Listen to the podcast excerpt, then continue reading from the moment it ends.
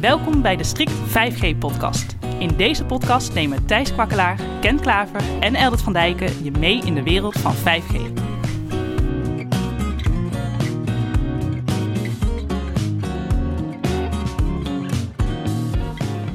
Dit is de Strict 5G podcast. Ik ben Thijs. Ik ben Ken.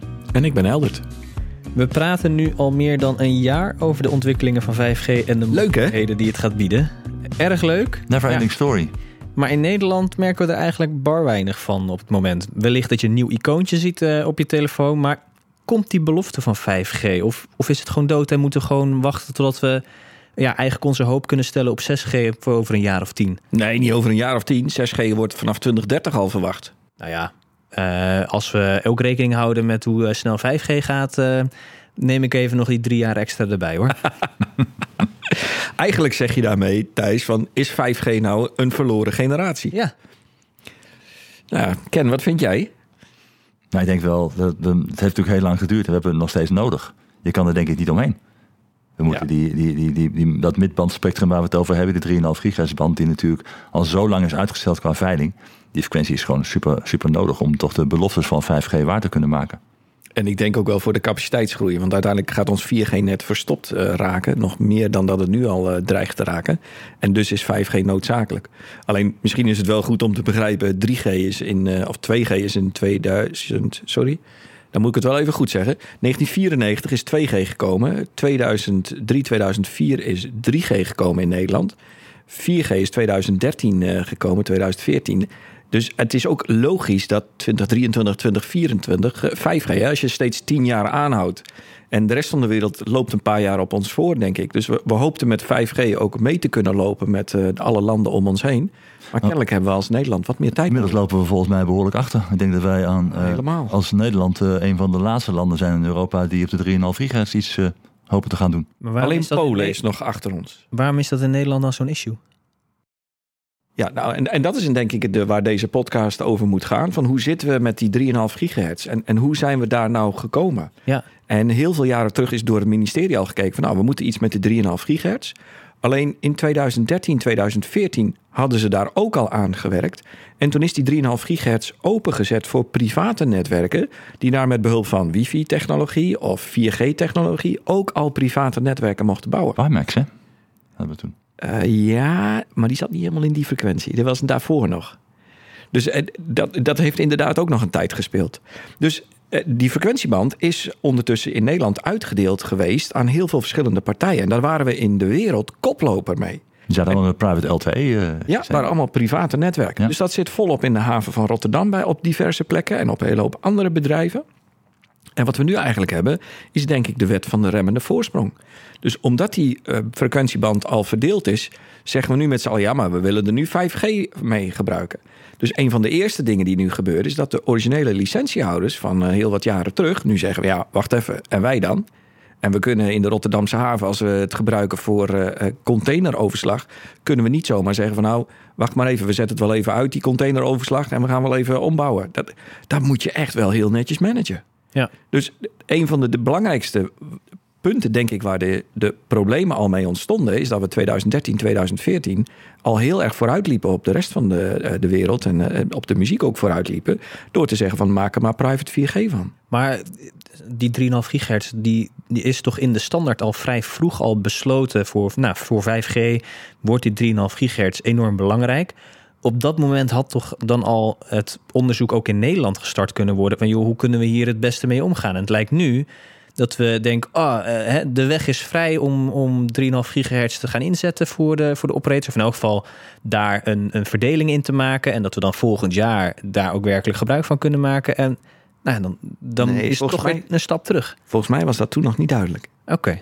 Dus de, de, de hele plannen zijn 2012, 2013 ontwikkeld. Toen werd er al nagedacht over 5G, maar nog zeker niet goed over de frequentiebanden. Dat werd pas later duidelijk. Uiteindelijk is wel op Europese verband nu eens be- besloten dat de 3,5 gigahertz band een van de banden is waarop 5G in Europa zou worden uitgerold. Ja, zeker. Dus dat was al heel lang bekend. En wat we ook al heel lang weten is dat in de diezelfde 3,5 gigahertz band ook Inmarsat zit met haar eh, satellietdiensten. Dat was ook al heel lang bekend. Exact. En eh, ook de huidige licentiehouders voor die eh, private netwerken waar je het net over had, die hadden al bepaalde restricties waar ze rekening mee moesten houden bij het uitrollen van hun netwerken. Ze mochten bijvoorbeeld niet een systeem uh, uitrollen boven de lijn. Dat was het Amsterdam-Enschede of zo. Amsterdam-Emmen geloof ik. Ja, Amsterdam-Emmen. Weet je, dus boven die lijn Ja. uh, mag je eigenlijk heel weinig centvermogen maken. Omdat daarboven in Buren, in Friesland, daar zit het satellietgrondstation. Waar nou ja, Inmarsat uh, diensten vanuit Maar vooral de MIVD hè? De MIVD, AIVD. Ja. Die daar allerlei, zeggen, militaire activiteiten ontplooien. En die willen geen last hebben van private netwerken die mogelijk storing veroorzaken op hun apparatuur. Dus daardoor was die restrictie ook opgenomen. En die staat ook nog steeds in de huidige regelgevingen. En ja, dat weten we, weet je. En die, die, die systemen zitten in die band. Um, en ook de, de uh, in de nieuwe bandplannen, zeg maar.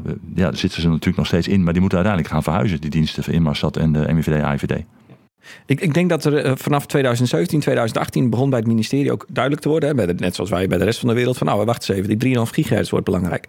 En toen zijn al plannen, uh, is men al druk gestart om uh, ervoor te zorgen dat die band vrijgemaakt zou worden. En dat de, andere, de huidige gebruikers daaruit gemigreerd zouden worden.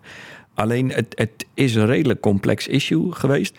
Waarbij ook nog Defensie, die net ten zuiden, aan de onderkant van die band zit, die ook bepaalde eisen eraan stelt. Nou, en wat Ken ook beschrijft, die hele discussie rondom het satellietgrondstation in Buren heeft ook een hoop tijd gevergd.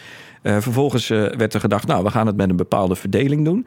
Waar de mobiele operators zeiden, maar wij willen op het mooiste stuk. Ten slotte, wij moeten er veel voor gaan betalen. Dus ja. wij willen mooie, de, de, middelste, beste kavels hebben. Met zo weinig mogelijk last van uh, andere gebruikers. bovendien, wij geloven niet in private netwerken dat die een eigen frequentie moeten hebben. Dus die mogen zeg maar de kruimels houden. En, en dat, daar heb je zeg maar al een conflict in wording. En het ministerie heeft heel lang geprobeerd om daar iets van te maken. En toen werden ze in de zomer van 2021 teruggefloten door een rechtszaak die Inmarsat aanhangig maakte. Die uh, terecht uh, denk ik ook, zeiden van ja, maar wij hebben een licentie. Die is uitgegeven door de Nederlandse overheid. Hoezo ga je diezelfde band nu met een veiling aan anderen geven? Dat kan toch helemaal niet? Bestuursrechtelijk klopt dat niet. En daar heeft de rechter het gelijk gegeven aan Inmarsat. Daarna is er een commissie van wijze mensen uh, benoemd. Allemaal professoren die erover na hebben gedacht. Die met alle partijen goede gesprekken hebben gevoerd. Ook met Inmarsat heel goed overleg hebben gedaan. Vorig jaar mei daar een heel goed rapport over hebben gepubliceerd. En het ministerie is daarna weer opnieuw aan de slag gegaan. Met verschillende verdelingen. Maar uiteindelijk werd begin dit jaar weer duidelijk dat ze eigenlijk terug wilden naar de originele verdeling die men had. Voordat die commissie van wijze mannen er al mee aan de slag ging. Dat wil zeggen, in mijn optiek, zeg maar de, de kleine bandjes waar niemand heel veel enthousiasme voor heeft, die mochten voor de private netwerken. En de drie middelste kavels zouden nog steeds naar de operators gaan. Ja, dus dan heb je het over de eerste 50 megahertz is voor uh, privaat. Dan heb je een mooi middenstuk voor de drie operators en dan weer 50 megahertz. Ja, waarbij de onderste 50 megahertz je eigenlijk de onderste 10, 20 megahertz niet kan gebruiken in verband met eisen die Defensie stelt. En of hele grote zware filters op je apparaten moet zetten. Waardoor het eigenlijk niet realistisch is dat je dat als privaat netwerk de financiën voor hebt om zo'n netwerk te bouwen. Ja. Dus dan heb je eigenlijk aan de onderste maar heel weinig. En het bovenste stuk moet je vanwege het feit dat de operators het grootste deel krijgen, moet je dansen naar de pijpen van de operators in de zin van synchronisatie en je up- en downlink verhouding. Waardoor op het moment dat je op je bedrijfterrein bijvoorbeeld camera's hebt hangen, die veel verkeer naar boven sturen, dus uplink verkeer noemen we dat. En dat uplink verkeer moet dan passen in de verhouding die de operators in de rest van het mobiel netwerk gebruiken, die vooral downlink georiënteerd zijn. Ja. Dus dat gaat meestal in een verhouding van 7 of 8 op 1. Zoveel data gaat er down versus up. Alle gebruikers die ergens onderweg zijn en een uh, Netflix zitten te kijken, die zitten vooral downlink veel data te gebruiken. Terwijl je in private netwerken veel meer uplink waarschijnlijk zal willen hebben. En dat is dan niet mogelijk. Dus dan heb je eigenlijk al, zeg maar, je, je krijgt de helft van wat je eigenlijk wil hebben. En op die helft kun je dan net niet doen wat je eigenlijk zou willen doen. Ja, en dan zou je wel weer een bescherming kunnen inbouwen door een soort van guardband een stukje leeg spectrum tussen de publieke operators en die private netwerken in, te introduceren. Maar dat heeft tot net al gevolg dat je nog minder bandbreedte ter beschikking Ja. hebt. Volgens mij moet je dan 20, 30 megahertz opschuiven. Dus Of eigenlijk, wordt, ja, dus eigenlijk wordt helemaal niemand blij van de hele nieuwe situatie. En dat heeft er ook toe geleid dat nu uh, ik als tien partijen naar de, naar de rechter zijn gestapt. Ja. Tien partijen. Ja. Tien partijen, dus dat zijn de mobiele operators. Een aantal partijen die een, een, een, een eigen mobiel netwerk opereren of diensten verlenen in de 3,5 gigahertz band. En een aantal private partijen, waaronder Schiphol en Havenbedrijf Rotterdam. Uh, die zijn naar de voorzieningenrechter gestapt. Die zeggen van joh, we worden allemaal niet blij van het hele verhaal. Want we In, hebben zat er ook weer bij. Zat er ook weer bij. Ja. Want eigenlijk wordt niemand eh, vrolijk. En, eh, en ook als je die veiling, of tenminste de, de voorgenomen voorwaarden leest bij het frequentieplan. eh, ja, dat, ik snap wel dat partijen daar wat on- nou ja, onvrede mee hebben, zeg maar. Kijk, als, als private partij wil je natuurlijk ook gewoon zekerheid dat het spectrum voor de komende periode voor jou beschikbaar wordt. Ja. En dat je niet een, een systeem krijgt op basis van first come, first serve. Dat als een mainport, hè, nou, we zeggen havenbedrijf Rotterdam bijvoorbeeld. Eigenlijk wil je een soort van pri- primaire positie hebben. Dat jij het eerste recht hebt op het spectrum in, in dat gebied. En dat niet een, eh, laten we zeggen, een, een bloemenwinkeltje op de hoek. eh, eh, toevallig als eerste een aanvraag indient. En dat spectrum toegewezen krijgt. Waardoor het havenbedrijf daar nooit meer aan kan komen. Weet je, dus dat soort argumenten speelt natuurlijk wel allemaal een rol. Maar het idee was toch ook dat je als eigenaar van het, eh, de grond, dus eh, zeg maar de, de geografische eigenaar, dat je dan alleen eh, al een aanvraag mag doen voor een spectrum? Ja, dat ging over perceelgebonden netten. Zo was dat eh, genoemd inderdaad. Ja, maar goed, dan krijg je natuurlijk een definitiekwestie. Wat is het dan precies? Ja, oké. Want als ik als, eh, laten we zeggen, bloemenwinkel heb ik ook een perceel. Ja. En eh, zo'n netwerkje kan best wel wat groter rijken wellicht. Geen idee. Dat, dat, Ja. kan, dat, dat kan elkaar gaan er- beïnvloeden. moest er 25 kilometer tussen eh, netwerken zitten, geografisch gescheiden. Op basis van postcode-check werd dat gedaan. En Ja. oké, dan, dan snap ik dat je al een probleem kan veroorzaken. Want als, als je als bloemenwinkeltje op dat haventerrein zit, Aan dan, de rand van. of aan de rand van, Ja. weet je, dan gaan dit soort eh, dingen gaan natuurlijk spelen. Dat zit elkaar in de weg. Dat is natuurlijk heel lastig. Ja, tenzij je weer allerlei synchronisatieafspraken maakt. Dus dat wil zeggen dat al die private netwerken ook een gezamenlijk synchronisatiesysteem moeten hebben. Ja. Ja, dat, dat is nog niet zomaar eh, geregeld. eh. Nee, nee, kijk, en, en wat natuurlijk ook, eh je zei het al, Thijs, wat nu het idee is dat 50 mega's onder in de band, dan de operators en dan weer 50 mega's boven in de band. Ehm, in de plannen is er sprake van dat er op enig moment een schuif gaat plaatsvinden in, dat, in die frequentieverdeling. Ja. En die was voorzien in 2026. Ja. Ehm, maar die operators zeggen natuurlijk, ja, heb ik allemaal spullen gekocht, alles ingericht. En dan moet ik op termijn eh, gaan schuiven met mijn, mijn, Ja, met nou, mijn op termijn, als het net klaar is met de bouw, zeg maar. Nou ja, voilà, weet je wel. Dus dat is allemaal niet, eh, niet fijn, terwijl ik een licentie eh, krijg tot eh, 2040. Dus ik, ik, ik, ik teken voor iets waar ik tot 2040 wat we zeggen, voor betaal. Maar ik heb eigenlijk geen garantie over wat ik binnen die periode met mijn, met mijn spectrum kan doen. En toen werd het nog mooier, want het werd duidelijk dat Inmarsat, die druk bezig was om te verhuizen. Dus die zouden in Griekenland, eh, hebben ze al een grondstation gebouwd. En Ja. die zaten ook, en dat bleek ook uit het rapport van de Commissie van Wijze Mensen. eh, die, en wat vorig jaar mei is gepubliceerd. Bleek ook dat Griekenland al, al- al hun in principe wel eh, met open armen ontving. Maar dat het nog niet helemaal formeel geregeld was. En wat nu duidelijk blijkt, is dat de komende paar jaar de Griekse overheid zegt: ja hoor, je bent welkom. Maar daarna kunnen we nog geen garantie geven. Dus Inmarsat zat ook bij de Nederlandse overheid. Zeggen, we willen best wel naar Griekenland. Maar we willen ook, als de Griekse overheid de, onze licentie intrekt... over een jaar of vier of vijf het recht hebben om terug te komen naar Buren... om daar weer te gaan uitzenden. Dus dat zou ook nog kunnen zeggen dat je misschien 2028 eh eh, Inmarsat weer ruimte moet geven. En dat je dan bijvoorbeeld in de drie noordelijkse provincies moet zeggen van... eh, oh ja, we moeten nog een hele hoop frequentie omstemmen. Want 70, 80 megahertz, precies in het midden van twee operators... is weer niet bruikbaar. Waardoor de operators zeggen, ja, wat heb ik nou weer aan mijn fiets hangen? Hoe moet ik dat dan in mijn prijs mee gaan nemen? Dat ik dan straks eh, misschien ook maar de helft van het kabel wat ik heb... misschien weer terug moet geven aan een andere gebruiker... die we Ja. net hebben uitgezwaaid. Terwijl het notabene een teken voor contract, althans je krijgt die veiling voor, voor, voor, voor 2040. Ja. Nou, wat het in ieder geval ten gevolge heeft, is dat de bedragen die men eh, verwacht vanuit de overheid, dat de- door de mobiele operators met name betaald zullen worden voor deze licenties, flink gekelderd zijn.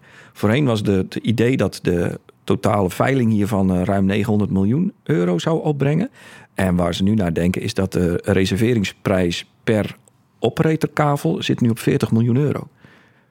Gezamenlijk wordt het dan toch nog wel een, misschien een bedrag van 150 miljoen euro. Ja, Maar daar is nogal een verschil in prijs. En zeker. dat, dat is ook zeg maar een van de hele nadelige eh, effecten van, van dit hele langdurige discussie, lange onduidelijkheden, nog steeds niet eruit zijn.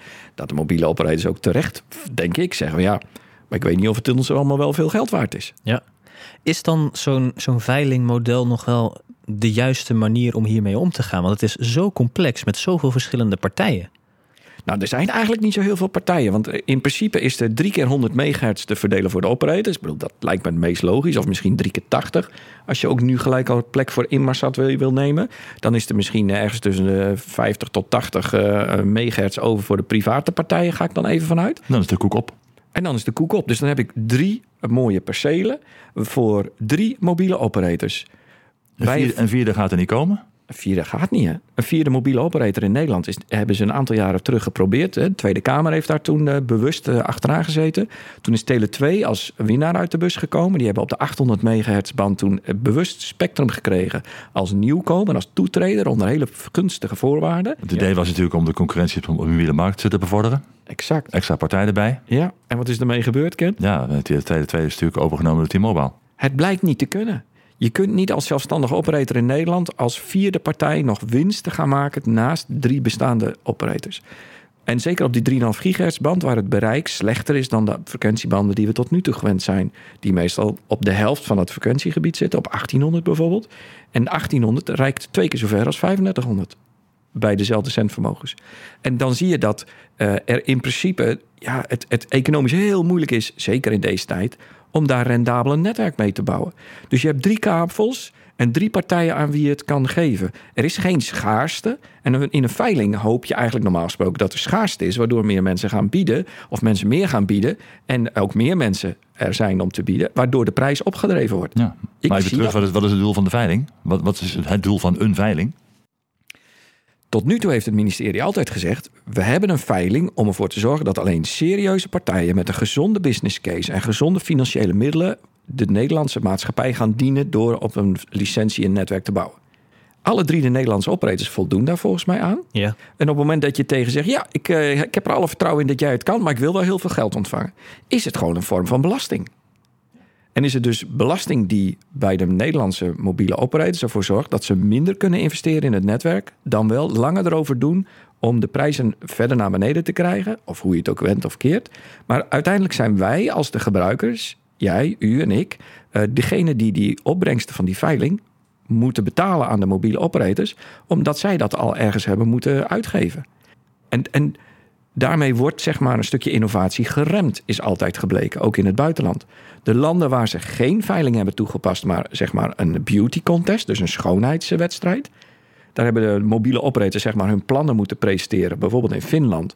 En als je een goed plan had opgeschreven en aan kon tonen dat je dat ging opvolgen, kreeg je de veiling. Het kostte je niks.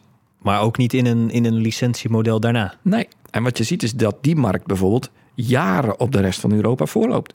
Omdat die mobiele operators meteen aan de slag gingen met netwerk bouwen. In plaats van dat ze eerst met de banken moesten praten van eh, hoe kan ik zoveel honderden miljoenen euro nog even financieren. Want ik moet die eh, de komende vijf tot tien jaar afschrijven en terugverdienen door mijn gebruikers. En tegelijkertijd is het voor de Nederlandse staat natuurlijk ook weer... in je, in je huishoudboekje is dat ook weer een post die, je, die wegvalt aan inkomsten. Maar het Hoe ga 150, je dat dan weer op? 150 Ja, maar ja, miljoen is natuurlijk Dat is al gebeurd. Ja, natuurlijk. Maar hè, eh, als je kijkt naar eh, eh, op, op de lange termijn wil je eh bepaal, of zie je bepaalde opbrengsten terugkomen. En je weet, nou, met de verschillende technieken heb je weer nieuwe veilingen. Eh, en dan zie je dus daar hebben we weer een mooie post in ons huishoudboekje van de Nederlandse staat voor, waar een mooie plus staat. Maar het staat zo in tegenstelling tot het idee dat we in Nederland hebben. Dat we innovatie eh, belangrijk vinden en ICT vooruit willen helpen. Want alle innovatie die je kent in het bedrijfsleven of in de zorg, op welke plekken dan ook in de industrie, heeft heel vaak een ICT-component. Met die digitale transformatie zijn we bij Strikt heel vaak bezig met klanten. En je ziet dat dat gewoon eigenlijk altijd gebaseerd is op een vorm van mobiele technologie of op een andere manier. Maar dat zit er heel vaak onder. En op het moment dat je dat zeg maar afremt, denk ik, Vanwege het feit dat we er nu al jaren over bakkeleien, wat voor niemand goed is geweest. En ook nu nog weer met extra geld van de gebruikers gaat vragen, helpt dat helemaal niet in de innovatie. Dus wat gebleken is, op elke euro die je in de ICT stopt, en ik heb de getallen niet scherp, maar die levert volgens mij anderhalf of twee of drie euro in de toekomst aan additionele belastinginkomsten op. Dus op het moment dat je die euro's er nu uit de markt haalt, door ze nu al als belasting te innen, geef je je eigenlijk, ja, doe je jezelf tekort, denk ik, als BV Nederland. Denk ik ook voor de gebruikers. Maar dat is meer hoe ik er tegenaan kijk. Dus wat we eigenlijk aan het doen zijn, is innovatie aan het afremmen. En in Nederland hebben we, en dat is natuurlijk een heel lastig argument, hebben we de beste mobiele 4G-netwerken ter wereld. De drie Nederlandse operators zitten alle drie in de top 10 van 700, 800 netwerken volgens mij wereldwijd. Dus we hebben een ongelooflijk geweldig goed Nederlands mobiel netwerk qua datasnelheid, qua dekking. Dat is qua kwaliteit echt briljant goed. Daar hebben de operators heel veel moeite voor gedaan. En wat doen we nu? Dan zeggen we eigenlijk van, nou, we zijn zo goed in 4G, we hoeven eigenlijk niks met 5G. Ja, maar over twee, drie jaar denk ik dat het 4G-netwerk op heel veel plekken overvol zit. En dan moet 5G klaar zijn om additionele capaciteit te bieden. En op dit moment zie ik alleen maar elke keer de veiling naar achter schuiven. Er wordt geen 5G-capaciteitsfrequentie bijgebouwd. Dus we gaan straks gewoon als Nederland, ondanks dat we nu geweldig 4G-netwerk hebben, maar met 50% verkeersgroei, twee jaar later moet je netwerk twee keer zoveel capaciteit hebben. En daar heeft het netwerk gewoon niet. Nee. En kunnen we dan uh, om die 3,5 gigahertz heen? Ja, als het moeilijk wordt, dan kijk ik altijd naar Ken. Ja, en ik kijk ook naar rechts, maar er zit niemand meer. Oh ja. nee, ik denk het niet. Ik denk dat je die band gewoon keihard nodig hebt. Dit is ook een aangewezen band door de Europese Unie, zeg maar, om uh, uh, 3,5G of om 5G uit te rollen. En dat is in alle standaarden. Ja. Er is ook eigenlijk geen alternatief. Als je serieus mobiel breedband wil doen, is er op dit moment geen andere band waar je dat zou kunnen doen. Ja, iedereen kijkt de volgende in de, in de reeks zou natuurlijk 26 gigahertz zijn. Hè? Millimeter wave. Millimeter wave. Uh, nog veel kleiner bereik. Ja, uh, honderden meters. Daar ga je geen landelijke netwerken mee bouwen initieel. Nee. Uh, bedrijfsterreinen of binnensteden, dat zou je natuurlijk nog prima kunnen doen. Ja. Daar waar hoge capaciteitsvraag is. Maar landelijke netwerken zeker niet. Ja, er zijn natuurlijk nog wel andere banden waar met een schuin oog naar gekeken wordt. Maar op dit moment zijn die ook niet beschikbaar. Nee, in Duitsland wordt dat bijvoorbeeld wel toegepast. Dan noemen ze zeg maar de bestaande 4G-banden zoals 1800 en 2100 megahertz. Noemen ze een beetje midband. Mm -hmm. En dan zeggen ze van uh, daar kunnen we ook 5G toepassen. En sommige operators zijn er ook mee begonnen. Alleen het lastige is dan dat je maar één keer je band ergens voor kan gebruiken. Je kunt ja. of voor 4G gebruiken of voor 5G. Nou is er wel een technologie, en die hebben we ooit wel eens ook behandeld, dat is DSS. Dan kun je 4G en 5G mengen op dezelfde frequentie. Maar ja, op het moment dat je je 4G gebruik vol zit en je die frequentie volledig daarvoor gebruikt, kun je niet zeggen van nou, ik pak hem nog eventjes ook eh, in gebruik voor 5G. Ik bedoel, het is het een of het ander. Als, als je niet genoeg 4G gebruik hebt, dan kun je zeggen, nou, ik gebruik de rest voor 5G. Maar als, ja, als het vol zit, dan zit het vol. En dit, dus het, die frequentie toepassen voor 5G zorgt eigenlijk dat je van 4G uh, capaciteit af moet snoepen. En misschien kan dat over een jaar of vijf wel, als we met z'n allen heel veel verder op 5G zitten. Maar op dit moment nog niet. Nee, je zou nog kunnen denken aan uh, dynamisch spectrumgebruik. Uh, dat is een proef die nu wordt gedaan uh, in het stukje net boven de toegewezen 3,5 gigahertz band. 3, dat is weer wat anders dan DSS. Dat is weer iets anders ja? dan. Dit is DMS, um, DSMS, ja? DSMS. Het lijkt erop, maar het is toch net iets anders. dan, kijk je, dan luister je eigenlijk met gevoelige apparatuur naar signalen die in de lucht staan. En is, is de frequentie op dat moment vrij. Dan zou je dat kunnen gebruiken voor jouw toepassing. Zeg maar. Ik zeg het even heel simpel, het is heel vrij ingewikkeld. Um, maar het betekent dat je dus niet 100% van de tijd beschikbaarheid, beschikbaarheid hebt over die frequentie. En dat is voor mobiele operators, uh, uh, nou, zou dat misschien nog kunnen. Maar voor private netwerken die op missiekritisch uh, gebruik zijn gestoeld, is het echt geen gewenste situatie. Nee, want wat daar eigenlijk achter zit, is zeg maar een soort kansberekening. Dat je zegt, nou, het kan goed zijn dat uh, 1% of 2% van de tijd dat er iemand anders van iemand gebruik maakt. Of dat er atmosferische veranderingen zijn, waardoor het radiosignaal van iemand anders heel ver weg komt, veel verder dan normaal. Ja, statistiek en luisteren. Precies, dus dat je daardoor uh, uh, niet nu eventjes uit mag zenden dat is dan zeg maar de consequentie van zo'n shared frequentie. Dus oh, er zit te veel uh, stoorsignaal in de lucht. Of we, we, de atmosferische omstandigheden zorgen ervoor dat jij potentieel een ander gaat storen. Dus je moet nu even ophouden met uitzenden. Ja, maar in een systeem is het niet echt een optie, zeg maar. Nee, dus op het moment dat je tegen een ziekenhuis zegt... nou, ik heb een briljant idee voor u. Kan best zijn dat die volgende week vrijdag uitstaat. Maar dat is niet zo erg, hè? Ja, de, ja uh, dat krijg je natuurlijk nooit verkocht. Nee. Dus dat, dat dat is heel moeilijk. Dus op het moment dat je zeg maar drie frequentiebanden zou hebben, waarvan je één af en toe kwijt zou raken, zou je nog van kunnen zeggen: ah, weet je, dat overleven we wel. Dus dan gaan we misschien 60% terug in capaciteit, maar doorsnee gebruikers op vrijdagmiddag, ach, misschien lukt het wel. Dat zou je nog kunnen besluiten, maar niet als het dat zeg maar de enige band is. Dus DSMS is echt wel een interessante ontwikkeling. In Amerika zit dat achter de hele private netwerkband op de 3,5 gigahertz, dus de CBRS. Dat doen ze met behulp van uh, shared spectrum. Op het moment dat iemand anders die meer rechten heeft er geen gebruik van maakt op de locatie waar ik ben, dan mag ik die frequentie gebruiken. En in Amerika, het is enorm groot. Er zijn genoeg gebieden waar dat helemaal geen issue is. Alleen wij zitten in Nederland gewoon in een hele andere geografische omstandigheid. En veel meer gebruikers kort op elkaar. Zoals bijvoorbeeld de haven van Rotterdam. Met heel veel grote bedrijven vlak naast elkaar. Er is nog een andere optie, is uh, kijken naar de huidige banden die in gebruik zijn bij de mobiele operators. Waaronder de 2,6 gigahertz band. Ja. Die loopt natuurlijk ook op enig termijn af, 2030. Dan zou die wordt ook steeds meer toegepast voor 4G. En die is ook echt wel nodig voor de capaciteitsgroei. Dus op het moment dat je ook die af zou pakken, ja. Ja, nou ja, maar goed, in principe zou je dan kunnen zeggen, nou, die gaan we dan anders bestemmen. Ja. Uh, maar die pak je dan van hen af. Ja, uh, van hen is dan van de mobiele operators. In Frankrijk is deze band in gebruik voor uh, private netwerken. Klopt. Buitengewoon succesvol. Heel veel apparatuur voor verkrijgbaar. Maar ja, dat is net weer een andere situatie natuurlijk. Maar ga je niet op een gegeven moment dan gewoon de situatie krijgen, net zoals dat met 3G is gebeurd. Uh, op een gegeven moment kondigt de operator gewoon aan, ja, die uh, uh, technologie gaat gewoon uit. Ja. Dus heb jij nog een oude telefoon die geen 4G aan kan en dus in de toekomst geen 5G aan kan, ja. zul je toch echt een nieuwe telefoon moeten, want we gaan die frequenties, daar gaan we inzetten voor 5G. Klopt, dat is op 3G-frequenties eh, nu ook eh, echt volop aan de hand. Dus 2100 MHz band was voor 3G eh, in het begin, en alleen voor 3G. En je ziet eigenlijk alle operators hun 3G-signalen daar weggehaald hebben of zelfs uitgezet. En het volledig voor 4G aan het gebruiken zijn. Maar ja, dat is dus waarschijnlijk ook iets wat verder in de toekomst pas mogelijk is. Want op het begin heb je die 4G-verbindingen eigenlijk nog gewoon hartstikke hard nodig. Absoluut. ja. Als we nou een korte blik naar de toekomst werpen, want we hebben eerst uh, uh, nog natuurlijk de gang naar de, recht, de, rechter met de tien partijen. Die hebben daar nu uh, een aanvraag voor gedaan. hoe gaan we uit dit slop raken? Hoe, hoe gaan we alsnog die 3,5 gigahertz band vrij spelen, vrij krijgen? Het proces zoals het er nu uitziet, wat ik heb begrepen van diverse betrokkenen, is dat 11 en 12 oktober er vervolgzittingen zijn. Ja. Daar mogen de verschillende partijen pleidooien houden. Het is overigens al enorm uh, juridisch geworden. Dus de, de regiezitting van een paar weken terug in mei uh, was zeg maar was de, de rechtbank gevuld met juristen van de diverse partijen. Ik begreep ook vanuit de Nederlandse overheid, we zaten er zeven juristen.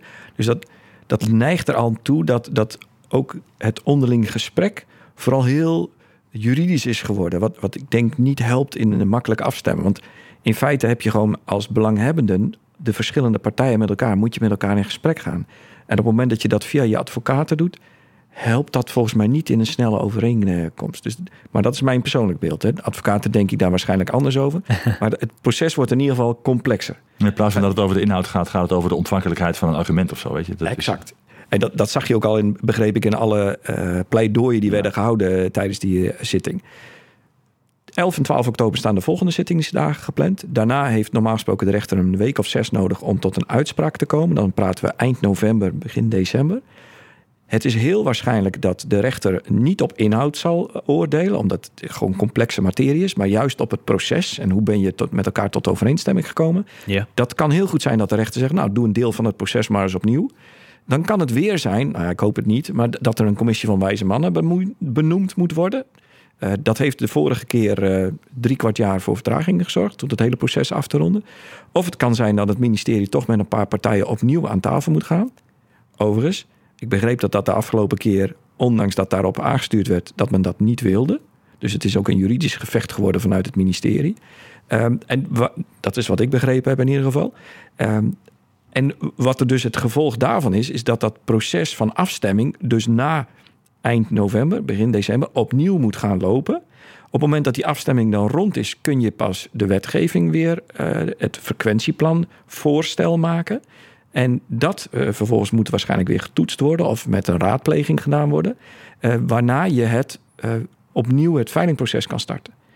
Nou, al die verschillende stappen, dat duurt allemaal even, is gebleken in het verleden.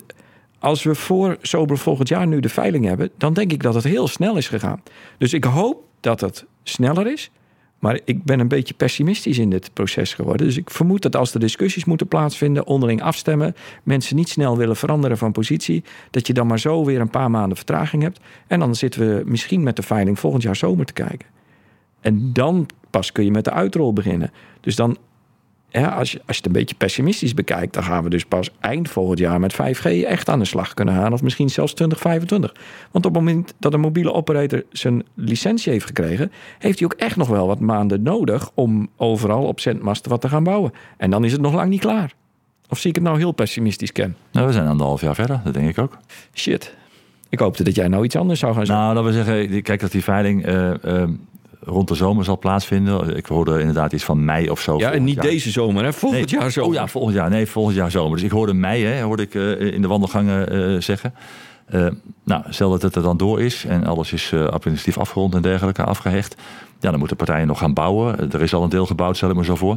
Nee, is niet. Is niet gebouwd, niet voorbereid? Oh, had ik, ja, voorbereid, maar niet gebouwd. Voilà, dus oké, dan moet dat nog gebeuren. Ja. Nou, we hebben het al eerder gehad over uh, omgevingsvergunningen, noem maar op. Ja. Mm. Valt misschien mee, want er staan natuurlijk al masten waar iets bijgeplaatst kan worden. Precies, waar het om gaat is een extra antenne of unit plaatsen op de bestaande op plaatsen. Precies, dus dat, dat valt dan wellicht mee. Nou goed, maar mij uh, vergunningen rond, dan, uh, of veiling rond. En dan zit je inderdaad op zijn vroegst in het najaar dat de eerste signalen de lucht in gaan. Dan heb ik het over op zijn vroegst. Ja.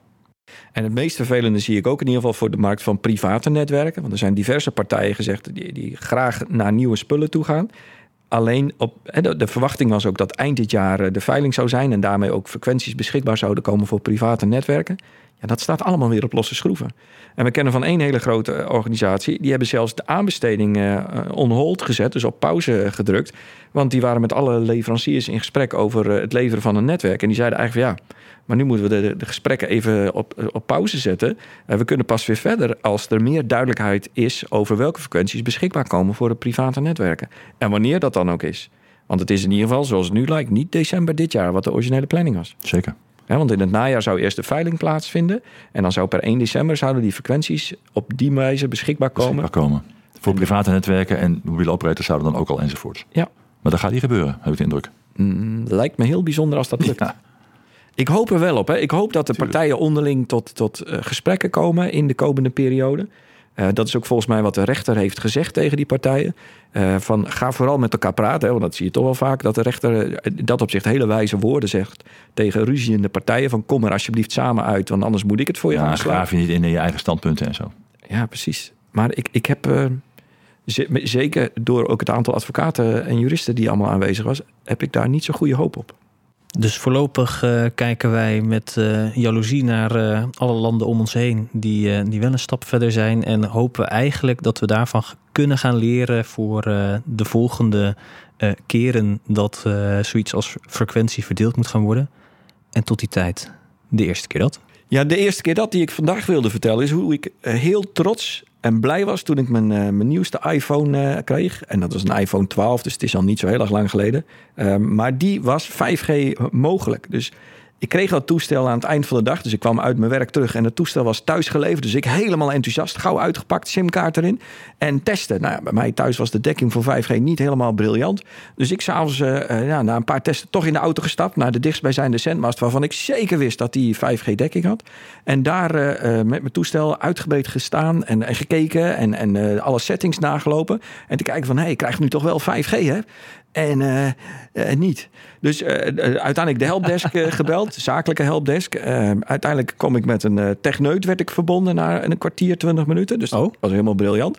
Die ging mijn hele simkaart settings nalopen en, en mijn netwerksettings en kijken of het helemaal klopt. Dus aan de netwerkzijde van de mobiele operator. Dus ik vond het al heel fijn dat ze me zo ver gingen helpen. En vervolgens, hij zegt, ja, alles staat goed. Ik krijg het, ik krijg het gewoon niet.